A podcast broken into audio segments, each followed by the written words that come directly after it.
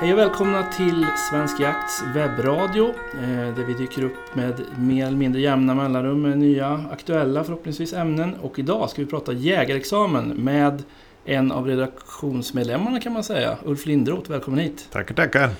Eh, jägarexamen för att det nu i dagarna ska ges ut en ny jägarexamensbok som du har varit med och skrivit ganska mycket i. Ja, det är nog eh, det mesta egentligen. Ja. för, för de som lyssnar på det här programmet så, så gissar jag att de flesta redan är jägare och eh, har tagit jägarexamen någon gång i, i tiden. Eh, men eh, vi pratade lite innan programmet här så, så kom vi fram till att du är ganska mycket en, jag ska inte säga symbol för jägarexamen i Sverige, men, men du har varit med på resan sedan det infördes. Ja, jag tog ju 84 upp i Västerbotten och som jag minns det, som de sa till oss i alla fall, så var det ett försöksår året innan det blev skarpt så att säga. Så våran jägarexamen som vi tog, den räknades ju, men jag tror att det var ett lagkrav första året på. Det har inte jag kollat, men, men det är som jag minns det i alla fall. Just det. Mm. Hur, hur, eh, hur, upplevde du jägarexamen då, då? I 14 år var det då? Då ja. är man ju i alla fall i formativ ålder. Ja, då, ja, jag var ju redan ganska intresserad så jag tyckte ju att det var rätt intressant faktiskt. Men eh, det kändes som en eh, ganska diger uppgift. Vi gick ju eh, vi gick i studiecirkel med gubbarna i jaktlaget och det var en av, en av, av, av dem i jaktlaget som var lärare som höll i den. Och, ja, det var rätt kul, det, det, det minns jag, det var roligt. Mm.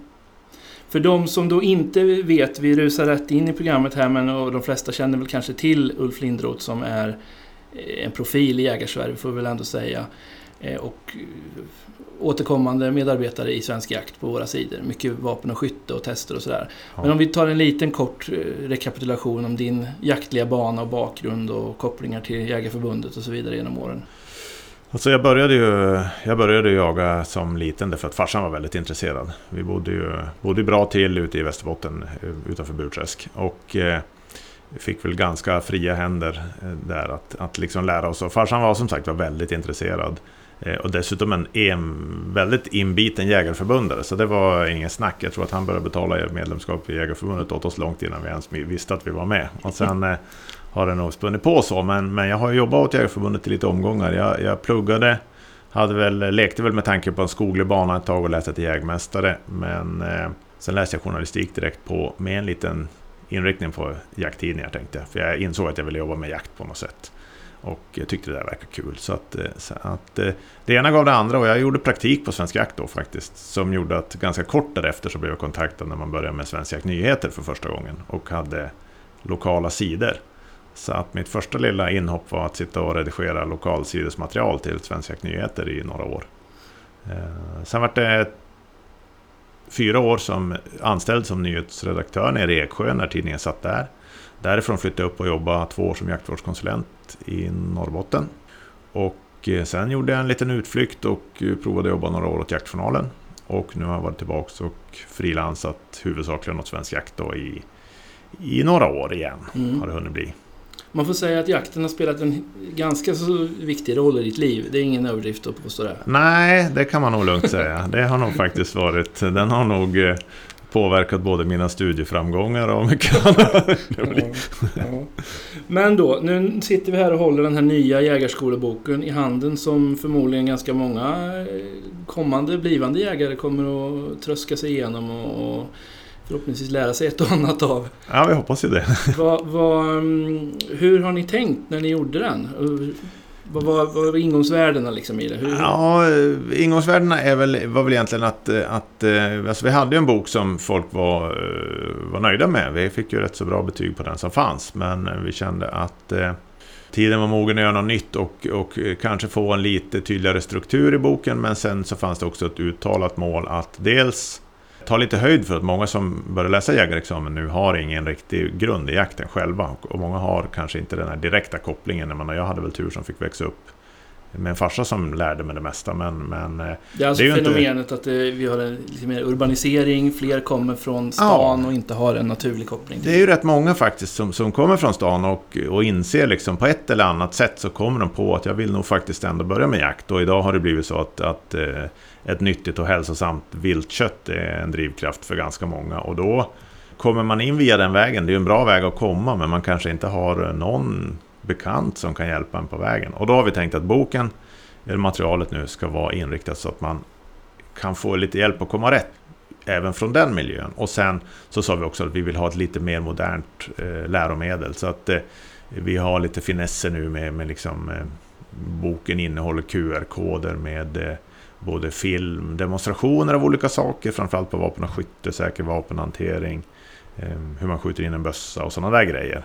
Men även då hur man lär sig skilja på olika arter. Så kommer man kunna använda QR-koder och titta på, lyssna hur de låter och titta hur man hur de ser ut och hur man ser skillnad på dem och sådana saker. Så det blir lite mer interaktivt och flera ja. olika eh, kanaler och plattformar? Jo, men det blir så. Har man, en, har man en någorlunda modern telefon och sitter och läser så kommer man att kunna titta på film under tiden. Och Sen är det också lite olika nivåer i boken. Man kommer att se det när man får den här boken i handen så ser den ganska stor ut. Men så fort man bläddrar i den så, så ser man det. är mycket illustrationer, det är mycket bilder. Men eh, sen är det också lite olika nivåer. Alltså det finns information som, som är lite mer tips. När du är färdig med jägarexamen och börjar jaga så kan du få lite praktiska tips. Om jag ska åka på min första drevjakt, vad ska jag tänka på då? Liksom, vad är det som är viktigt. Och det är markerat på ett sätt, så du vet kanske, eller märker att ja, men det här är inte något som jag nödvändigtvis måste lära mig för att klara provet. Utan, utan det är sånt som boken kan vara kul att ha kvar i bokhyllan när jag är mm. färdig. Ja, men det finns ju en hel del, vad ska vi säga, oskrivna regler och, och ja. kring jakten. Och de kan väl variera lokalt också jo. i hög utsträckning. Men det här med att komma in och inte göra trampa i det sociala klaveret på något sätt? Ja, nej men alltså tycker jag. Jag tycker väl själv. Jag menar, jag har flängt runt i en massa år och, och varit första gången på ganska många olika jaktformer. Och uh, man vet ju så här, liksom, ja, men, man är lite osäker. Vad, vad kommer hända idag? Liksom, för, vad, vad, vad ska jag förvänta mig av det här? Och då har vi försökt att vi har för varje jaktform som presenteras lite så här tips för dig som mm. kommer med första gången. Liksom, vad, ska du, vad ska du förvänta dig? Vad ska du, hur ska du förbereda dig? Mm, mm. Eh, men sen har vi också då lite sammanfattningar och sånt där som är mer fokuserade på vad du måste kunna för provet. Mm. Så att vi försöker som ha med olika nivåer där beroende på. Men, men det viktiga är naturligtvis boken. Du måste ju kunna läsa boken och klara jägarexamensprovet. Men vi vill gärna att du ska kunna ha kvar den i bokhyllan och faktiskt tycka att det är roligt att komma tillbaka till den med jämna mellanrum och kolla upp grejer. Ja, nej, vi, det här ska ju inte utmynna någon recension av jägarexamensboken. Mm, det, det, kommer vi ha på annan plats. Men, men eh, jag har ju öppnat den och bläddrat lite i den och kikat. Jag har inte lusläst den. Men den känns ju lite grann som ett eh, användbart uppslagsverk även för ja, oss som har jagat ett tag. Vi, vi kanske har glömt en del och ja. sånt man inte har i huvudet. Sådär. Ja, nej, alltså vi har ju haft en... Jag har ju visserligen skrivit i princip hela boken, men jag har haft en väldigt bra faktagrupp som har suttit och eh, gått igenom allt, så jag har fått rätta väldigt mycket. Mm. För jag har ju gjort det enkelt för mig, så jag har skrivit som jag tror att det är. Mm. Och då har det visat sig med jämna mellanrum, har någon kommit och påmint mig om att nej, vet du, inte riktigt så. men bra, men inte rätt. Ja, och, så, och sen har vi fått göra om det och sen, eh, nu skulle jag nog vilja säga att den är väldigt noga faktagranskad. Jag tror att man kan faktiskt använda den som uppslagsbok. Sen, får man ju, sen är det ju det här med jakten och alla de regler och lagar och sånt där som finns runt omkring. Det ändras ju på något ja. årligen i princip, någon mer eller mindre. Och så det är ju det är vanskligt när man ska göra böcker och det ska vara, ja. liksom, de ska gälla länge såklart. Men... Vi har ju försökt göra så här att vi, vi, ehm, vi bryter ut lagen. Så att vi försöker ta så lite som möjligt vad lagen säger i huvudboken och så är det en separat bok, en mindre bok. Och det är ju för att den ska kunna revideras snabbt och enkelt. Ehm, men det är ju också så med den här boken, så har det varit med Jägarskolan i många år, att, att eh, man trycker måttligt stora upplagor och sen så försöker man ha rätt snabb omsättning och sen gör man eh, revisioner och nytryck ofta. Så att den här boken kommer ju eh, om några år att ha genomgått flera revisioner. Mm. Det kommer den, så att varje, den är liksom lite färskvara varje år. Nu, nu tror jag, i och med att vi lyfter ut lagen så kommer den att stå sig ganska länge. Men det kan vara förändringar. Jag menar, nu tror jag nog att det är på gång. Eh, rätt vad det är så kanske vi måste sätta in ett litet avsnitt om pilbågen. Det kan bli lovligt mm. här på ja. något års sikt. Och det. det. kan hända grejer med både det ena och det andra. Så att, så att eh, det finns absolut ett behov av att göra en årlig kontroll, men det är meningen att den ska vara hyggligt tidlös annars. Just det.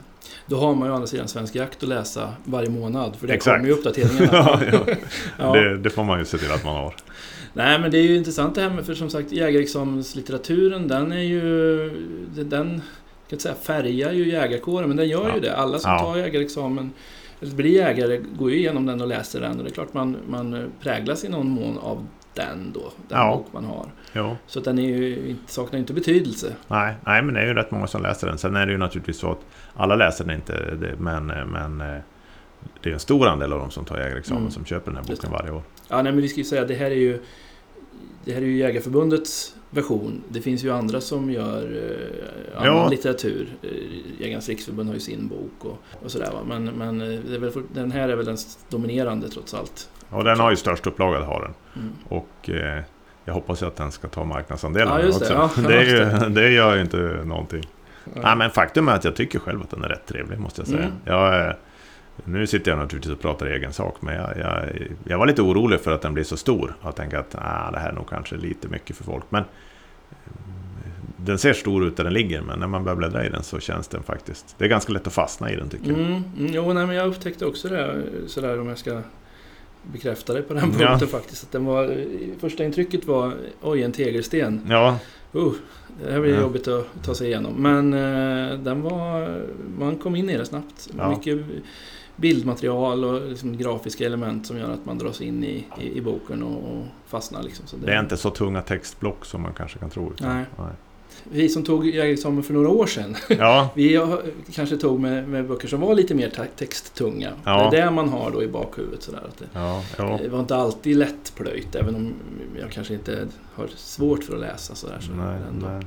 Rent generellt då också, jag återkommer till det här med jägarexamen och dess betydelse. Du tog, sa du, 84 i någon testgrupp Ja. och sen då 85 så införs obligatoriet på...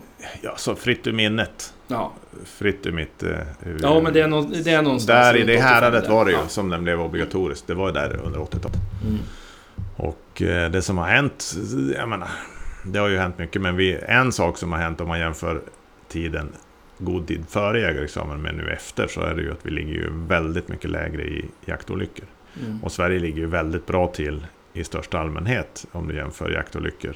Vå- Vådaskott och, och Ja. olika slag och ja. Den typen av allvarligare Så tillbud. säkerhetstänk och vapenhantering, det har nog blivit ganska...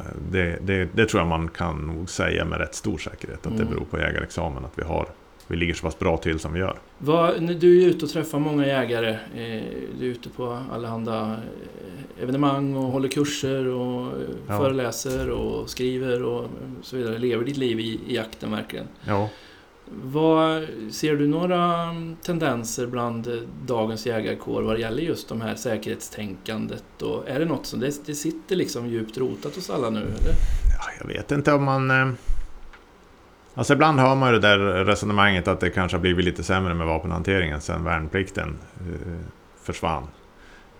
Jag vet inte om det är så himla tydligt. Eh, jag tycker nog ändå ganska många är rätt så duktiga. Men eh, det har nog alltid funnits de som har slarvat. Jag, jag gissar att vi, vi ligger ganska bra till. Sen så är det väl så att det som är lite synd idag kanske det, det är att man har svårt att få den där riktiga vapenvanan. För att eh, det var i alla fall en sak om man höll på med, om man gjorde lumpen så fick man i alla fall hantera vapen en del. Och sen idag så är det ju så att bor du i en stad och tar jägarexamen och ska göra all din skytteträning på en skjutbana med begränsade öppettider och köer för att komma till. Så är det lite svårt att få eh, liksom, alla handgrepp i muskelminnet. Mm. Faktiskt. Ja, det ser vi också. Det är ju en, finns ju en parallell eh, utveckling här. Vi ser ju poliser och politiker som eh, kanske inte alltid gör allt för att underlätta övningsskyttet om man nu Nej, uttrycker det nej, försiktigt. nej, nej, nej, det är ju så. Och eh, där, där, eh, det måste man ju säga, där, där har man väl kanske... Där får man väl hoppas på en bättring. För, för det tycker jag, med tanke på hur oerhört lite olyckor och hur oerhört lite lagliga vapen används i, i brottsliga sammanhang så skulle man nog med gott samvete kunna hjälpa jägarna och skyttarna att få bättre träningsmöjligheter. Jag skulle ju gärna se att så fort man la ner en skjutbana i en kommun så skulle kommunen vara skyldig att eh, anlägga motsvarande någon annanstans i, i kommunen. Liksom. Det är en noll, eh, nolltolerans för minskade skytteträningsmöjligheter. Ja, men då har, du ett, eh, då har du en politisk uppförsbacke skulle jag säga. Ja, jo, jag vet det, men... Förverkliga det. Den goda, för det liksom, ja, jag tycker ändå att det, det borde vara så. Ja, just det. Ja, ja, vi får se. Framtiden lär utvisa hur det blir med, med vapenhantering och skyttemöjligheter, skytteträningsmöjligheter och annat. Men jägarexamen lär man kunna ta några år till och från och med nu då så kommer din bok finnas med där i. Från och med nu så blir det mycket roligare. ja, det låter ju intressant. Då har ni alltså årets eh, stående julklappstips här och födelsedagspresentstips och så vidare. Ge bort jägarexamen till alla era bekanta som kan tänkas vara intresserade. Ja, precis. Och särskilt kanske om de är lite klimatoroliga. För att eh, det är ju faktiskt så att viltköttet tillhör det absolut bästa man kan äta med tanke på koldioxidutsläpp. Överhuvudtaget. Alla grönsaker inräknade. Så att kött och potatis om ni vill rädda klimatet. Och helst då egenskjutet viltkött naturligtvis. Tack för att du kom hit Ulf. Lycka till med boken och vi, vi möts igen i Svensk Jakts spalter framöver. Tack så mycket.